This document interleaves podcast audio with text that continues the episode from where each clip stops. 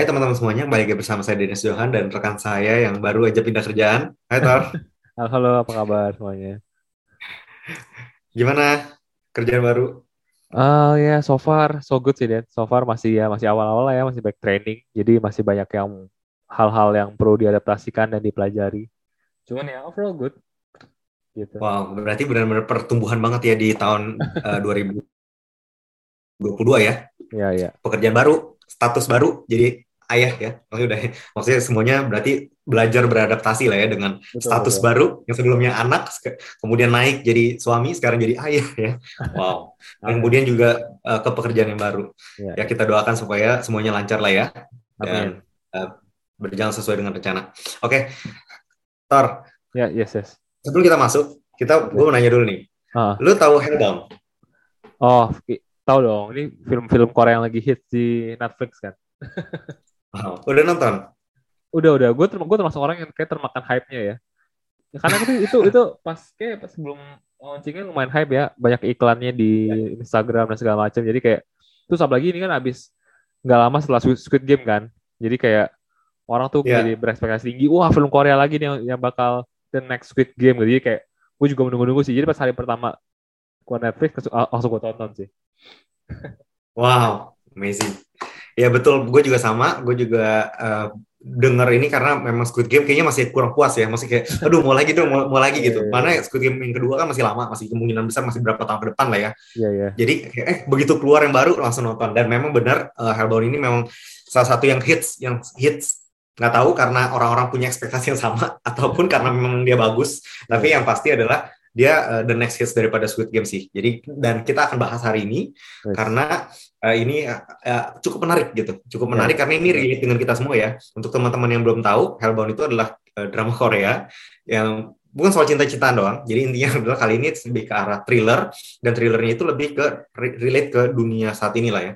Iya iya. Yeah. Di mana kita sekarang kan banyak pendeta juga bahkan di gereja gue juga sekarang ngomonginnya tentang akhir zaman ngomongin tentang lima virgin and five virgin. Jangan sampai ketinggalan rapture segala macam. Jadi seriously itu yang dibahas hampir mungkin udah berapa minggu ini gue mendengarkan khotbah yang seperti itu gitu. Jadi kayak wow dan kemudian hellbound. Pas banget kan? Jadi kayak ini relate banget. Kalau sebelumnya Squid Game ini relate dengan kehidupan yang karena pandemi banyak orang ngutang nggak ada duit segala macam dan ada jalan keluar. Nah kalau ini kita akan ngebahas dari hellbound akhir zaman. Di mana di akhir zaman ini Tuhan di film ini ya seakan-akan menjudge dunia hmm. karena uh, judge yang ada di dunia ini tidak berlaku adil. Jadi intinya adalah basically Tuhan mengirimkan kalau di zaman Musa kita bilang malaikat mencabut nyawa lah ya, yang semua anak sulung mati. Kalau hmm. ini Tuhan akan menunjuk siapa yang akan mati dan kemudian dia akan punya waktu, diberikan waktu dan tanggalnya kapan dia akan dipanggil dan kemudian akan ada makhluk supranatural yang keluar dari dimensi lain untuk hmm. mengambil nyawa orang tersebut. Ya, ya. Ini bukan thriller ya, eh ini bukan spoiler ya. Ini ini cuman uh, apa sinopsis sinopsis. Ya, ya, ya. Kurang lebih seperti itu ya. Jadi bisa kebayang. Nah, tapi dia drama ini juga dikata uh, kalau kita lihat sinopsis kita akan lihat bahwa ada namanya New Truth Organization.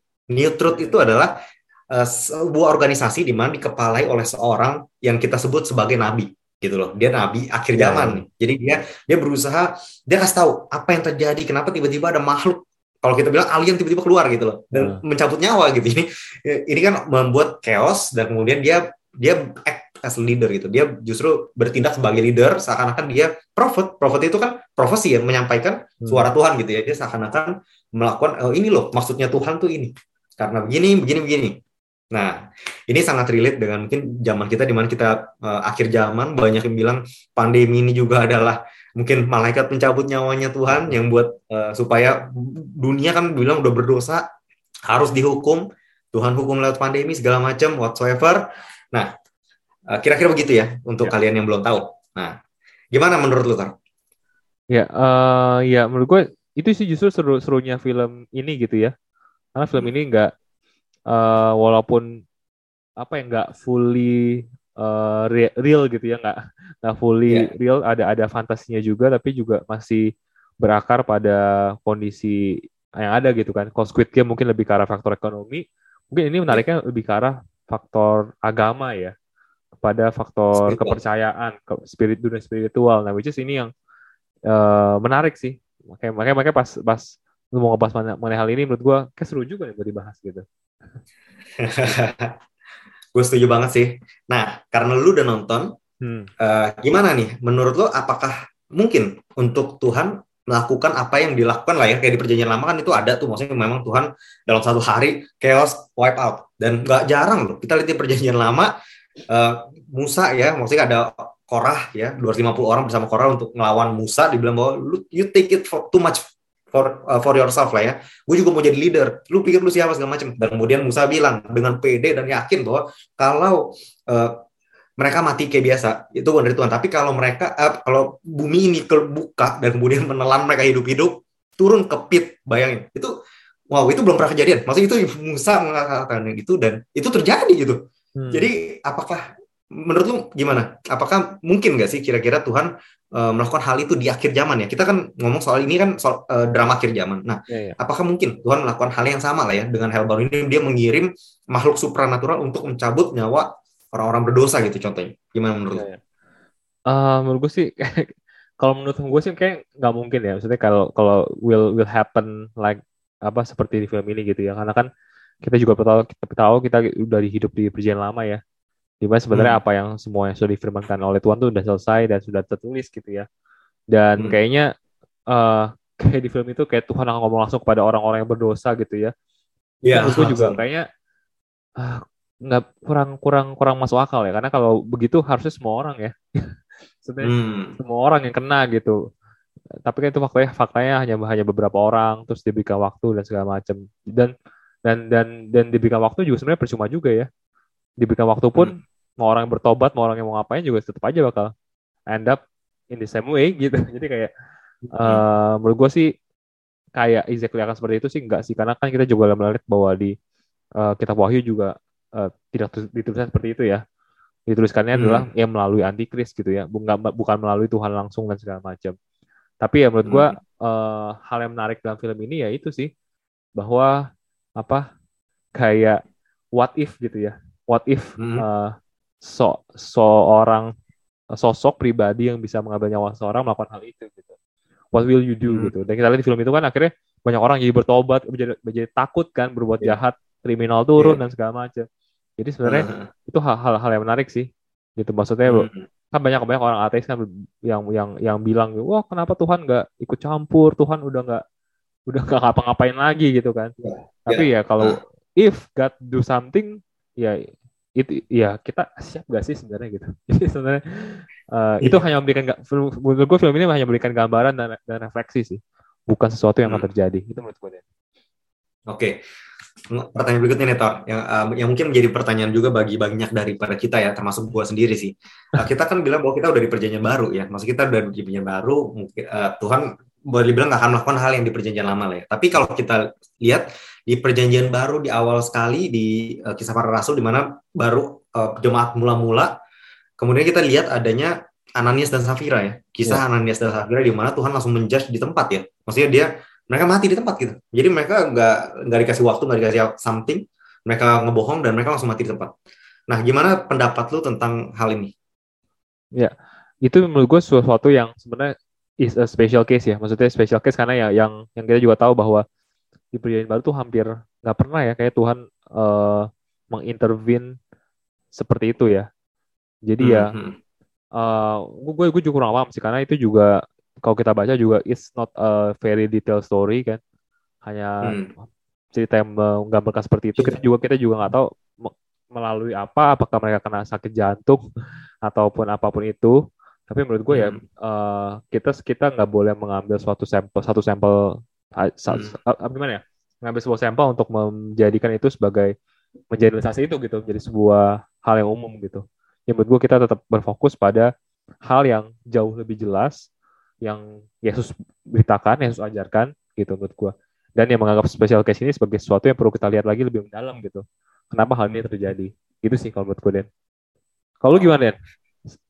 Gue setuju sama lu sih, dan karena gue juga sama sekali belum bisa figure out kenapa, yang gue bisa figure out secara overall adalah memang uh, setiap kali Tuhan melakukan pindah ke suatu dispensasi, ataupun melakukan sesuatu yang baru, contohnya kalau kita lihat di perjanjian lama, sebelumnya dari prophets ya, ke raja itu terakhir ada Samuel kan Samuel dari prophets kemudian pindah ke raja ya. Raja pertama adalah Saul. Saul juga begitu dia tidak taat sekali dia langsung juga di take out kan. Dibilang bahwa mulai hari ini gitu ya dia uh, kerajaanmu telah tore down gitu. Kerajaanmu diberikan kepada your neighbor better than you kepada Daud gitu. Padahal Saulnya masih hidup kan. Maksudnya kayak uh, kadang yang gue lihat memang setiap ada dispensasi yang berubah ataupun uh, ada sesuatu move of God lah ya kita bilang perubahan daripada cara Tuhan memimpin sebelumnya dari nabi kemudian pindah ke raja uh, ada suatu ketegasan di situ sih gitu. Yang gue lihat bahwa ada suatu ketegasan di sana dan ya ini juga kan yang kayak gue bilang jemaat mula-mula kan baru di mana Petrus juga menjadi salah satu pemimpinnya dan itu juga uh, suatu yang baru lah, suatu yang baru dan itu membuat ketegasan di mana kalau kita baca setelahnya kan uh, akhirnya jemaat itu takut. Hmm. Yang lain itu memiliki rasa takut akan Tuhan ya untuk melakukan hal yang sama. Dan kedua bukan cuma untuk menakuti jemaat sebenarnya, tapi ini untuk lebih ke arah uh, kita, kita harus tahu bahwa ada protection Tuhan untuk orang-orang yang mau uh, menjadi wolf untuk orang-orang yang mau menjadi serigala berbulu domba gitu. Jadi itu yang harus kita lihat sih bukannya Tuhan menyerang domba ya, karena dia ini bukan orang Kristen. Kalau kita lihat dia uh, ketika kita ngomong soal orang Kristen, ada juga namanya Ananias yang ketemu sama uh, lupa siapa ya Ananias juga, pokoknya ada dua deh, dua Ananias. Yang satu dikatakan certain disciple, pakai certain disciple. Jadi untuk mempertegas bahwa dia ini adalah orang Kristen, certain disciple. Sementara kalau yang Ananias ini tidak gitu, certain man. Nah dari situ kita tahu bahwa dia memang dari awal punya tujuan yang nggak baik lah gitu. Dan setuju gue malu bahwa nggak tahu pakai diambil ini pakai penyakit jantung whatsoever, uh, pasti ada penjelasan natural juga uh, untuk dia tiba-tiba terjadi seperti itu. Cuman yang memang itu adalah salah satu yang kalau menurut gue untuk to establish something new sih untuk membuat sesuatu yang baru dan itu yang memang dilakukan lah ya. Yeah. Ya. Uh, yang gue juga nggak ngerti, tapi yang kita, kita ya nggak seharusnya 100% tahu semua hal sih kalau menurut gue. Jadi kita harus lihat dari positifnya dan poinnya apa. Karena itu mungkin out of point, jadi kita nggak nggak lihat secara detail ya. Uh, kenapa itu terjadi? Jadi that's not the point. Jadi ya gue harus jujur bilang gue juga tidak tahu 100% apa kenapa sih.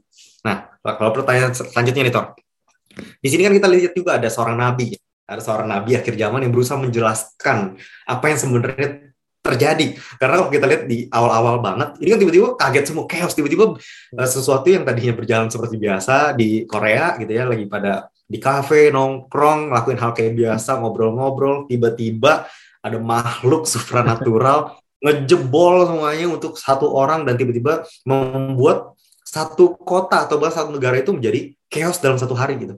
Dan tidak ada penjelasan apa pun karena semua kamera itu udah jelas ya. Jadi maksudnya secara uh, bukti nggak kurang bukti. Tapi secara penjelasan kurang. Bingung. Akhirnya polisi nggak bisa mengetahui ini kenapa segala macam. Bahkan polisi lari kepada seorang nabi tersebut. Ini kan lucu. Maksudnya polisi akhirnya lari kepada seorang nabi. Nah di sini kan kemudian nabi ini yang memperkatakan yaitu hukuman Tuhan lah ya. Sama seperti biasanya dia selalu memperkatakan ya uh, itu adalah hukuman daripada Tuhan dan tujuannya baik. Tapi kalau menurut lu gimana, Tor? Kalau itu kan tujuannya baik. Kalau apakah itu benar gitu? Apakah mungkin Tuhan melakukan sesuatu seperti ini yang uh, untuk tujuan supaya manusia bertobat? Iya.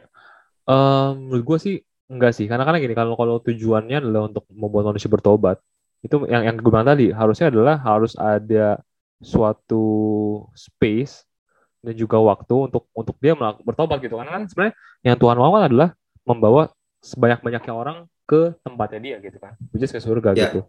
Sedangkan kalau ini kan sudah seperti death sentence ya, gitu maksudnya. Uh, ya mungkin poinnya mungkin bukan bukan bukan bertobat untuk orang yang dihukum orang, ya. Buat orang-orang sekitarnya gitu ya. Orang-orang yang lain nih. Ya, maksud gue tuh untuk orang-orang lain jadi takut gitu. Wah, ini mungkin nggak menurut lu Tuhan melakukan hal ini? Nah, menurut gue apakah uh, itu benar?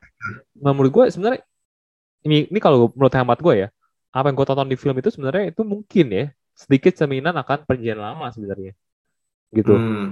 di mana which is ya uh, Tuhan di situ kan juga uh, melakukan sesuatu yang secara supernatural ya. Gitu kan kita yeah. bisa melihat sendiri dan dan yang nggak yang yang nggak bisa dijelaskan dengan nalar kan. Dan akhirnya orang-orang hmm. juga menjadi takut. Dan dan akhirnya juga apa muncul juga. Gue gue gue tuh pikiran tuh kayak new truth itu tuh jadinya kayak imam-imam tinggi tuh sih? Imam-imam tinggi oh. yang, yang yang dia merasa bahwa ya I know what God think gitu. Gue adalah perpanjangan tangan Tuhan. Gue adalah orang yang suci dan kalau mau selamat ya ikutin cara gue gitu. Dan ada ada juga hmm. kan film itu ada yang namanya Arrowhead ya? Yang grup yang uh, brutalnya itu. Yang suka apa? Arrowhead namanya dia, dia, dia nggak salah ya? Nah pokoknya yang, yang satu lagi brutal itu yang Arrowhead nggak salah namanya itu kayak orang Ah. gitu. Jadi jadi yang yang yang benar-benar yang yang eh, mereka merasa membela kebenaran tapi dengan cara yang salah gitu dengan mukul-mukul. Oh, yang pakai topeng ya? Iya Ah. iya. Iya, iya, iya, Arrowhead ya, itu benar. Ya, jadi itu kayak orang Farisi. Jadi gue merasa kayak ini kepercayaan lama gitu. Jadinya akhirnya apa ya? Jadi jadi berkedok juga ya. Jadi maksud gue sesuatu yang akhirnya mungkin tujuannya baik, tapi jadinya sesuatu yang akhirnya eh, salah gitu. Akhirnya akhirnya juga oke oke lah kriminal kriminalitas menurun. Tapi kan nggak berarti dosanya berkurang karena jadinya si Arrowhead-nya juga jadi berbuat dosa ya buat se- semena-menanya si imam si Hmm. imam tinggi si dan di truth-nya juga akhirnya mereka berbohong banyak dan akhirnya munafik Iya dan segala macam. Jadi kayak ini cuma berpindah tempat aja dosa-dosanya gitu ya. Dari yang tadi di jalanan sekarang di, dilegalisasi menjadi sebuah organisasi. Jadi kayak kalau dari film ini sih nggak ada yang berubah ya.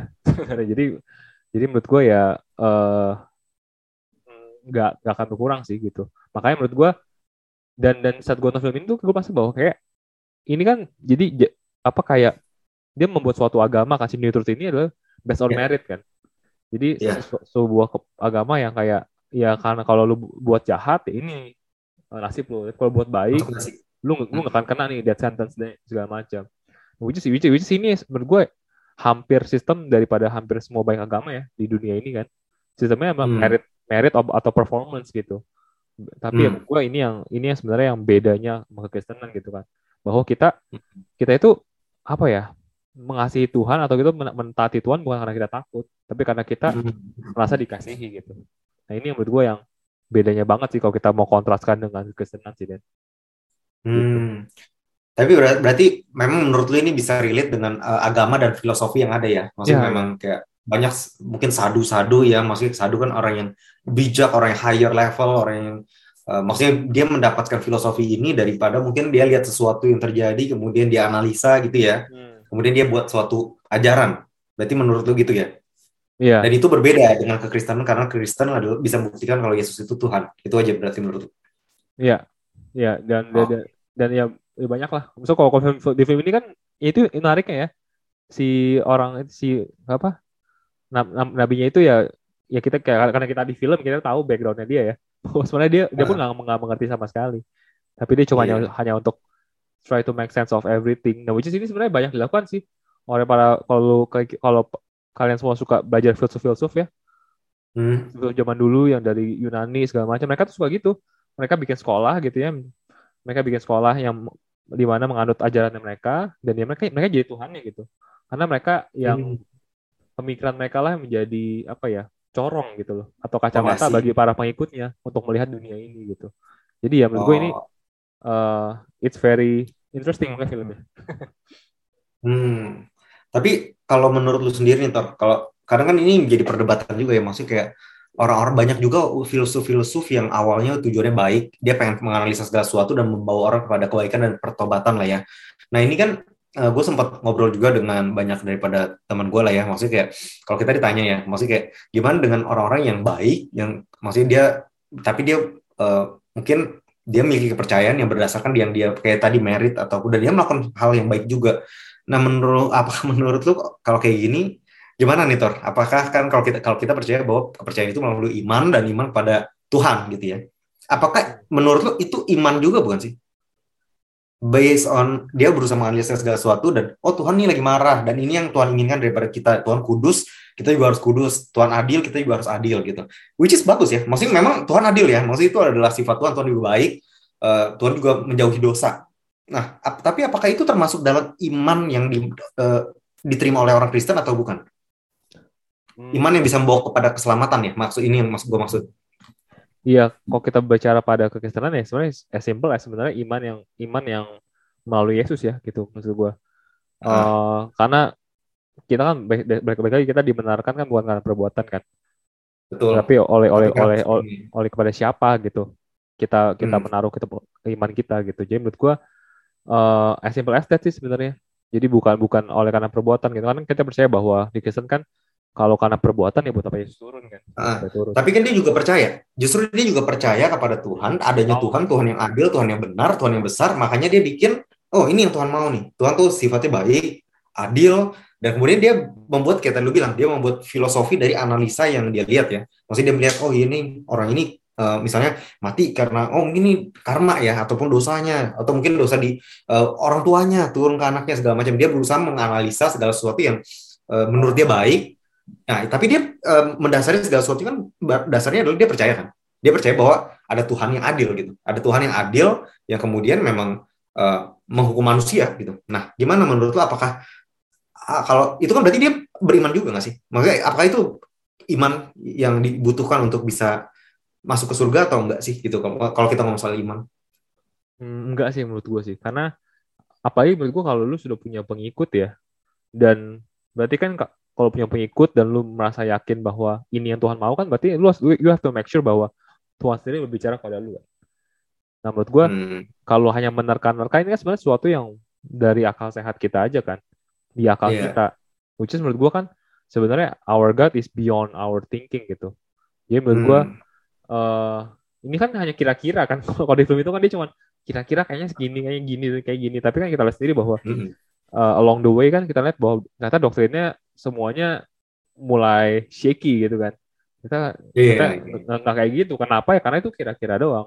Nah menurut gue juga uh, ya kalau kita pelajari juga banyak-banyak juga mungkin ya kepercayaan-kepercayaan yang juga kira-kira juga sebenarnya. Yang oh. akhirnya sampai di titik sampai di titik di mana saat shaky saat mulai doktrinnya mulai shaky iman mulai jalan gitu. Ya hmm. ini bukan masalah masuk akal lagi. Kamu percaya gak gitu nah ini oh. makanya, kan kalau lihat yang ya ini agak spoiler dikit ya jadinya pokoknya di, ada di party film itu di mana yang pengikutnya jadinya wah ngikutin banget kan perintah yeah, bosnya yeah. udah dipukul-pukul palanya terus kayak yeah, yeah, tetap aja dia merasa kayak padahal dia udah ngeliat depan depan mata sendiri buktinya bahwa doktrinnya salah tapi tetap membela mati-matian kan karena itu udah udah bukan masalah akal sehat lagi itu udah masalah uh, iman gitu kan jadi hmm. maksudnya udah benar-benar udah percaya aja nah itu menurut gua salah satu aja hmm. bukti ajaran yang ini mungkin ini pelajaran juga ya buat kita ya. Salah satu nah. salah satu bukti ataupun clue suatu ajaran itu salah adalah udah benar-benar nggak pakai akal sehat gitu. Hmm. apa yang di depan mata itu udah udah lu itu lupain aja lah. Fokus pada doktrin. Nah itu yang bahaya sebenarnya. Hmm. Oke. Okay. thank you Thor. Kali gue berarti intinya berarti kan uh, ya memang kita mesti maksudnya kita nggak bukan bukan iman yang buta lah ya. Maksudnya ya, basically orang, orang Kristen tuh nggak iman itu tidak 100% kayak meniadakan logika sama sekali. Dan itu juga ya. yang sering kali sebenarnya banyak daripada orang Kristen ajaran-ajaran tertentu itu juga ngajarin dengan hal itu tuh. Jual rumah contohnya maksudnya kasih gereja. Tapi tapi saya masih ada keluarga pak. Uh, beriman nggak? Nah ini kan maksudnya sering kali juga dipakai oleh berapa orang yang pengen mendapatkan keuntungan ya daripada orang Kristen dengan cara itu. Karena memang dengan cara itu sulit dibantah ya. Maksudnya dengan beriman aja percaya Tuhan pelihara. Nah akhirnya dengan kata-kata ini meniadakan logika orang dan nggak jarang daripada mereka yang akhirnya menjadi kecewa dengan Kristen gitu karena berpikir bahwa Tuhan udah suruh dan kemudian Tuhan tidak provide ya. Benar. Nah itu juga mungkin kita harus hati-hati juga dengan filosofi dan lain-lain karena memang uh, dengan iman itu sendiri pun kita harus hati-hati gitu. Jangan sampai kita memiliki iman yang buta gitu, iman yang iman yang salah lah. Nah lanjut lagi nih Tor. Di akhir film kita menemukan bahwa oh ini spoiler lagi. ini bukan spoiler lah. Ini sebenarnya kita akan menemukan bahwa uh, intinya adalah uh, Tuhan itu bekerja secara misterius. Nah ini juga sering kali gue dengar nih di khotbah-khotbah kekristenan lah ya, maksudnya kayak God works in mysterious way, no one know, uh, God's thought is beyond our thoughts, maksudnya kayak pikiran Tuhan melampaui akan uh, pikiran kita, nggak mungkin pikiran manusia itu mampu me, apa ya mengerti uh, uh, seluruh pikiran Tuhan, kehendak Tuhan itu misterius, oleh karena itu akhirnya ada penyakit dari Tuhan, kemiskinan dari Tuhan, semua dari Tuhan. Jadi basically karena Tuhan itu bekerja secara misterius ya. Jadi maksudnya uh, dia bekerja ya suka-suka dia. Basically intinya adalah ya Tuhan punya pemikiran yang kita nggak akan pernah bisa reach out dan that's why nggak usah don't even think about jangan jangan bahkan jangan berpikir gitu jangan nggak usah pakai pikiran kita untuk mengetahui pikiran Tuhan gitu tapi apakah menurut lu benar kalau kita memang nggak akan pernah bisa mengerti Tuhan nah ini gue juga apa ya ini pertanyaan yang sebenarnya harus hati-hati juga ya maksud gue hmm. ada certain area yang memang kita mungkin nggak akan pernah tahu pikiran Tuhan dan dan hmm. dan memang gak, gak, gak pernah bisa sih karena kalau kita hmm. bisa mengerti soal pikiran Tuhan ya kita adalah Tuhan gitu kan ya karena kita kita adalah ciptaan otomatis kita pasti punya limitasi yang di mana uh, pencipta kita pasti punya kapasitas yang jauh lebih besar gitu Hmm. Nah, jadi menurut gue, uh, jadi dalam area apa sih? Dalam area misalkan dalam melihat masa depan gitu ya, ataupun juga dalam melihat dalam gambar lebih besar. Terkadang kita melihat apa ya contoh kita dalam ngebahas mengenai penderitaan gitu.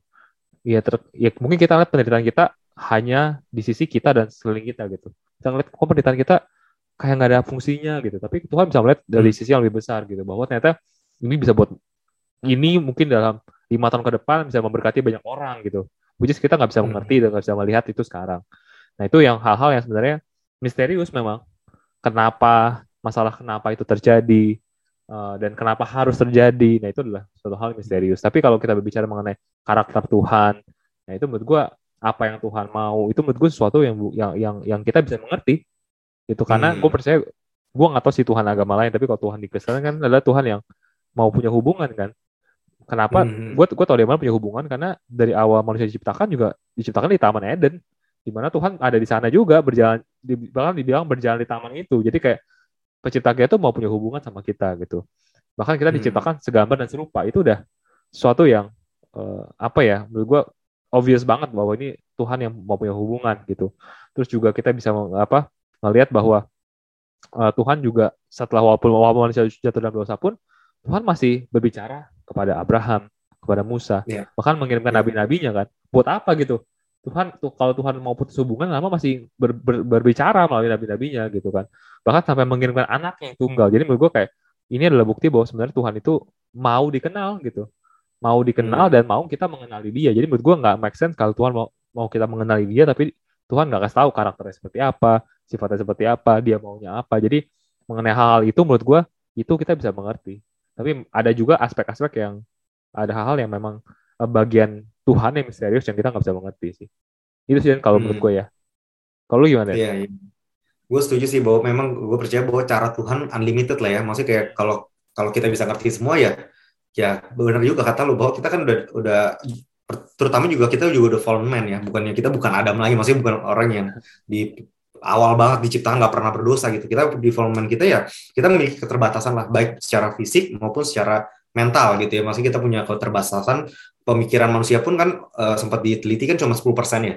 Yeah. Kita bah kita bahkan hanya bisa pakai 10% dari kemampuan otak otak kita gitu. Jadi jelas saja makanya kita bahkan nggak tahu gimana caranya dulu uh, Mesir bikin piramid segitu tinggi, kemudian dia bisa bisa ngawetin jasad gitu ya, dia bisa keluarin otak dari hidung. Ini bahkan masih nggak banyak yang uh, zaman sekarang nggak bisa ketahui gitu. Gimana caranya mereka tanpa teknologi bisa melakukan hal itu gitu. Jadi uh, bahkan kalau kita nggak bisa mengetahui manusia gitu ya cara manusia gimana kita bisa mengetahui 100% cara Tuhan gitu. Jadi kalau menurut gue memang kalau kalau ngomong soal cara-cara Tuhan dia kan bisa kayak contohnya dia kasih makan Nabi Elia pakai dia bisa kasih makan Nabi Elia pakai malaikat pakai janda pakai uh, burung gagak gitu. Jadi kayak ini kan misterius ya. Maksudnya kayak hmm. Kenapa nggak burung gagaknya terus gitu? Kan kita berpikir ya, udah itu aja gitu. Jadi kenapa kenapa nggak harus pakai banyak cara yang kita akhirnya itu mungkin secara cara iya misterius. Dia memiliki cara yang unusual gitu. Punya sesuatu yang eh, nggak uh, nggak nggak biasa gitu ya. Parting the Red Sea gitu ya membelah laut merah. Kalau kita mikir oh mungkin Tuhan caranya uh, bikin musim kemarau setelah enam bulan kering itu masih make sense ya. Tapi kalau dalam satu hari gitu kebelah gitu kan kayaknya mungkin kayak out of our reach ya, itu, itu yeah. agak lebih luar. Nah itu dia makanya gue bilang yes dalam hal cara ya dia misterius. Tapi kalau memang benar kata lu kalau karakter segala macam itu menurut gue Tuhan tidak pernah berubah dulu karena selamanya hmm. dan dia juga memberikan Alkitab ya untuk kasih tahu dia punya dia punya karakter gitu karena dia pengen kita menjadi seperti dia kan tadi kan lu bilang dia kita dicipta serupa dan segambar yang artinya ya dia juga pengen kita serupa dan segambar seperti dia jadi kita juga memiliki Eh, kita nggak bisa 100% mengetahui semua caranya, tapi kita bisa menjadi seperti, maksudnya dari karakter-karakter yang uh, dia kasih tahu lah ya, kayak sembilan buah roh dan lain-lain itu bisa kita ketahui dan kita bisa pegang karena dia nggak akan pernah berubah. Itu sih yang gue setuju ya. uh, dengan dengan Luther. Nah, kita lanjut ke pertanyaan terakhir nih Tor. Okay. Ada quotes yang terakhir nih ya, ini quotes yang bagus dan uh, apa ya menurut gue ini cukup deep sedikit bikin bikin mikir bentar lah gitu. Jadi bikin mikir bentar. Nah quotesnya ini dikatakan bahwa uh, ini supir taksi ngomong bahwa ini tuh bumi kita gitu. Biarlah kita yang ngurus sendiri gitu, bukan urusan Tuhan. Which is wow. Ini sama oke okay, kayak iya juga ya. Maksudnya make sense ya. Benar sih ketika dia ngomong gitu, udah maksudnya Tuhan urusin urusan dia aja lah gitu. Iya nggak sih maksudnya sekarang kan ini adalah bumi kita. This is our world gitu. Let us fix this gitu. Biarkanlah kita yang yang mau fix hal ini itu kayak gue mikir gitu kayak oh, wow kayak gue mikir bentar gitu. Ada ada ada make sense-nya tapi maksudnya ya intinya kan makhluk supranatural ataupun uh, dimensi lain ya udah di dimensi lain aja manusia manusia aja gitu. Basically ya itu yang dia bilang kita akan kita bisa fix sendiri dunia yang kita miliki karena ini milik, milik manusia kan bukan milik kalian kan bukan milik Tuhan. Nah gimana menurut lu tentang quotes ini? Ya menurut gue quotes ini mungkin uh, menarik ataupun juga mungkin bisa benar itu kalau pada konteksnya ya. Konteksnya adalah filmnya itu gitu kan karena di, di iya. konteksnya adalah Tuhannya itu yang dikenal itu adalah ya organisasi New Truth which is ya kalau gue jadi supir taksi itu gue diperkenalkan dengan Tuhan seperti itu gue juga gue muak kali ya kayak gue nggak butuh Tuhan kayak gitu gitu kan istilahnya kan tapi kalau kalau kita hmm. tarik ke realita kita yang sekarang menurut gue itu jadi kurang tepat ya karena hmm. uh, buktinya apa buktinya ya kita mundur gitu loh dengan dengan dengan adanya Tuhan masih ada sama kita aja kita berantakan gitu loh. Maksudnya, hmm. maksudnya kita nggak kita nggak melihat dunia yang jadi lebih baik, bahkan dunia yang semakin lama semakin menuju kehancuran gitu. Jadi menurut gue hmm. uh, itu pun masih Tuhan masih bekerja ya. Maksud gue Tuhan ya mungkin maksud gue gue nggak bicara maksud Tuhan bekerja secara langsung yang di mana ajaib gitu ya. Tapi maksud gue Tuhan masih bekerja melalui melalui gerejanya, melalui kita semua gitu loh yang masih hmm. apa ya menjunjung moral moralitasnya Tuhan lah. Tapi imagine bahwa yeah. Tuhan udah gak ikut campur, semua moralitas itu dilepas kepada manusia, semua orang suka-suka dia. Mungkin uh, Rusia punya aturan sendiri, mungkin di Rusia ngebunuh boleh, eh, di US mau ngebunuh gimana, aborsi boleh. Jadi kayak semua negara udah suka-sukanya sendiri lah, dan sama sekali nggak ada standar yang fix ya, ataupun standar yang hmm. mengacu kepada karakter Tuhan ya berantakan banget sih menurut gue dunia ini sih. Jadi menurut gue kayak uh, apa ya ya kita nggak bisa nggak bisa pungkiri lah maksud gue kayak kalau kayak manu apa ya kita manusia bikin laptop nih ya kan laptop itu mau nggak mau ya harus diurus ataupun juga membutuhkan si penciptanya kan kalau enggak ya hmm. lama-lama ya laptop itu akan rusak sendiri akan outdated dan ya akan lama-lama yeah. akan dibuang gitu jadi menurut gue uh, kita sebagai pe, pe, apa ya bukan pencipta ya pak kita sebagai yang diciptakan tuh harus tahu diri juga gitu. harus tahu diri tahu tahu tahu tahu bahwa kita ini diciptakan. Kita tuh kecuali kalau kita menciptakan diri kita sendiri ya. Baru hmm. baru that quote is make sense bahwa Tuhan gak ada ikut campur lah. Gue gak butuh Tuhan gitu. Karena ya gue orang gue menciptakan diri gue sendiri tapi kan kita tahu bahwa kita ini diciptakan. Bahkan alam semesta kita pun diciptakan oleh Tuhan. Jadi kayak hmm. kalau kita bilang bahwa oh ini bagian gue bukan bagian Tuhan gitu ya ataupun Tuhan masih ikut campur jadinya sesuatu yang uh, eh, gue ngebayangin kayak kurang ajar kali ya. Kayak kayak kayak gue punya anak gitu dan ya. Gue punya anak anak anak gue gue gede gue gedein gitu ya. Gue kasih sekolah gue kasih wah semua gue gue butuhin itu tiba one day dia bilang papa gak usah gue campur. Ini urusan ini urusan urusan gue gitu. Siapa sih? gitu. Udah ini hidup gue lu gak usah gue campur. Gak, gak usah nasehatin gak usah ngomong apa pun sakit hati gue Den. Terus gue ngerti kan? Jadi kayak ini kayak posisi itu sih menurut gue kayak jadi menurut gue ya kan menurut gue kita bukan dalam kapasitas itu sih buat ngomong seperti itu gitu. Hmm. Kalau oh, berarti itu bukan quotes ya, berarti itu bukan kata-kata bijak ya, justru kesannya bijak mungkin ya, terkesannya iya. seakan-akan kayak, oh this is our world, we can fix this gitu ya, wow. Ya tapi gue setuju dengan lu sih bahwa ya sebenarnya kehancuran di dunia ini juga karena kita sendiri, sebenarnya. Maksudnya kayak kalau memang Tuhan 100% ikut campur, ya Adam nggak akan pernah jatuh dalam dosa, kita masih di Taman Eden, nggak akan ada kematian. Ya ini justru rusak karena kita sebenarnya. Jadi eh, bayangin gitu, kalau misalnya Tuhan sama sekali nggak ikut campur, ya itu kita udah masuk ke tribulation namanya tujuh tahun masa kesulitan ya. Hmm. Kita udah masuk ke, bayangin kalau nggak ada Tuhan, ini mungkin uh, perang dunia kedua tuh mungkin yang terakhir gitu. Iya kan maksudnya Hitler, iya. orang-orang bayangin orang-orang kayak gitu gitu yang yang dia melakukan sesuka dia dan kita juga lihat di judges ya di mana uh, orang-orang nggak punya raja nggak punya pemimpin dan mereka melakukan apa yang benar di matanya sendiri gitu. Jadi kayak itu enak banget gila. Maksudnya kayak yang lu pernah lihat kan eh pernah dengar pasti kan ada seorang wanita yang concubine yang diambil sama orang Lewi kemudian malam-malam ada orang yang mau bersetubuh sama si cowoknya tapi cowoknya kasih concubine keluar kemudian akhirnya concubine ini dipakai dengan uh, mungkin pulang cowok dan kemudian pulang meninggal dipotong dibagi ke semua suku Israel. Suku Israel bilang yuk kita serang bareng-bareng kita habisin satu tribe. Akhirnya setelah dihabisin dia nyesel sisa 600 kemudian gimana nih udah gak ada cewek? Ya udah ambil aja tuh dari dia ambil dia bunuh-bunuhin orang Jabes Gilead habis itu dia bilang tuh masih kurang 200 ya udah 200 lagi lu ambil lagi. Dan nanti dari ada wanita wanita-wanita yang uh, istilahnya apa ya worship God gitu ya sepanjang perjalanan uh, ada lu ambil aja di situ cewek-ceweknya ada 200 jadi kayak gila banget. Maksudnya kayak itu sih parah itu itu yang terjadi gitu. Kalau misalnya manusia karena manusia itu kan suka-suka dia bayangin kalau kalau suka-suka dia gitu. Gimana rasanya kalau manusia suka-suka dia aja gitu nggak ada nggak nggak ada campur tangan Tuhan. Itu udah terjadi juga sebenarnya kalau kita lihat di judges segala macam dan itu sama sekali nggak membawa kebaikan dan yang ada bener kata lu makin makin hancur. Justru kita saat ini belum hancur belum totally self destruct ya karena masih ada Tuhan kan. Masih ada kuasa kesembuhan, kuasa kebangkitan yang membuat kita juga bisa overcome. Karena ada overcoming power gitu yang dimiliki oleh kita dan juga Tuhan juga udah memberikan kepada kita juga otoritas sebenarnya. Jadi Tuhan gak 100% in control ya. Dalam arti kan kayak sekarang kita mikir kayak Tuhan 100% mengontrol manusia gitu ya. Which is kalau menurut gue itu juga tidak benar karena dia berikan dia berikan kepada kita otoritas dan free will ya.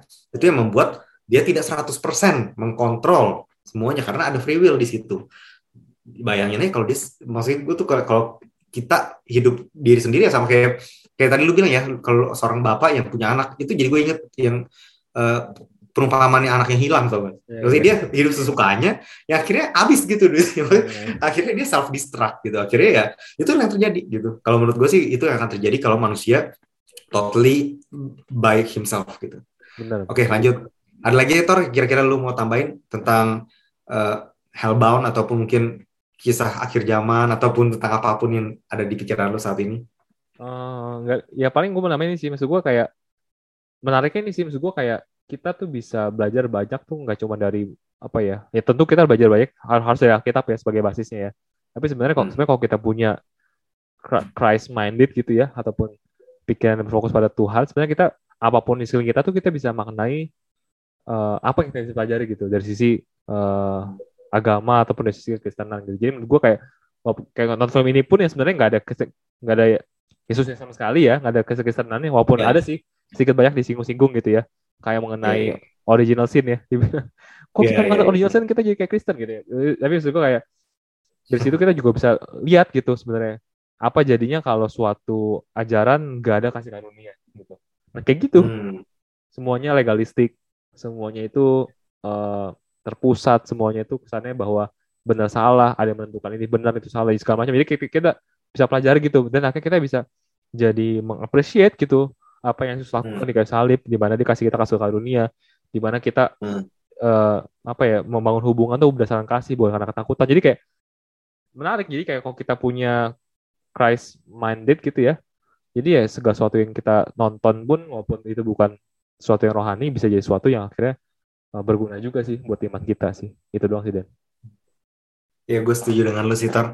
Uh, kalau dari gue kayak udah udah cukup baik disampaikan oleh lu juga dan ini juga kita tadi udah bilang juga jangan punya iman yang uh, tanpa logika kita juga harus di, kita dikasih pikiran juga dari Tuhan artinya kita harus mengolah segala sesuatu supaya kita bisa uh, mengetahui kebenaran yang ada ya bukannya cuma asal percaya karena kalau kita ya. ngomong asal percaya jangan sampai kita percaya dan kita uh, purely wrong gitu ya, masih innocently wrong, masih kita secara tulus tapi kita salah gitu. Jadi hmm. hopefully kita juga memakai uh, apa yang diberikan Tuhan gitu pikiran dan juga orang-orang yang di sekitar kita untuk kita bisa jadikan masukan lah ya. Karena kan kalau kayak New Truth ini kan kayak dia awal-awal banget kan kayak kalau kayak lu nonton ya ada anaknya anak polisi ini kan kayaknya dia malah jadinya lebih dekat dengan si uh, prophet ya daripada dengan keluarganya gitu. Jadi kayak malah dia juga lebih percaya dan juga lebih kayak akhirnya kayak kayak udah didoktrin gitu. Akhirnya dia yeah. dan ini parah sih kalau gue ya itu yang terjadi juga sebenarnya di di dunia kita. Sebenarnya banyak juga aliran-aliran kayak gitu yang mengatakan dirinya Yesus dirinya hanyalah satu-satunya nabi terakhir segala macam. Ya tujuannya adalah supaya dia mau uh, membuat semua orang ya cuman percaya apa yang dia ngomong kan. Dan ini yang jadi bahaya ketika lu cuman percaya satu orang dan nggak mau dengerin yang lain dari situ ya udah salah kalau menurut gue. Yeah. kan kita tidak menutup diri juga. Maksudnya kalau memang ada uh, baik dari agama lain yang mau berdiskusi atau apa kita nggak kayak nggak bisa nggak bisa gue nggak boleh benar sekarang kan kayaknya kita ya kan? Maksudnya kalau kayak gitu ya? Iya, dari mana kita tahu kita benar kalau kita nggak pernah ngedengar yang lain kan? Iya, maksudnya kita, kita harus tahu juga dan itu penting sih kalau menurut gue uh, oke okay, itu aja mungkin yang bisa kita bicarakan tentang hellbound dan drama akhir zaman. Uh, mudah-mudahan bisa berkati kalian semua. Dan kalau ada dari kalian yang pengen uh, kasih topik untuk kita bahas bisa langsung ke Instagram kita catoniman.id atau di rekan saya Victor Aditya atau di saya uh, at Dennis Johan. Kalau gitu sampai ketemu minggu depan. Semoga kalian terberkati dan juga stay safe di mana kalian berada. Sampai ketemu minggu depan. See you and God bless. God bless.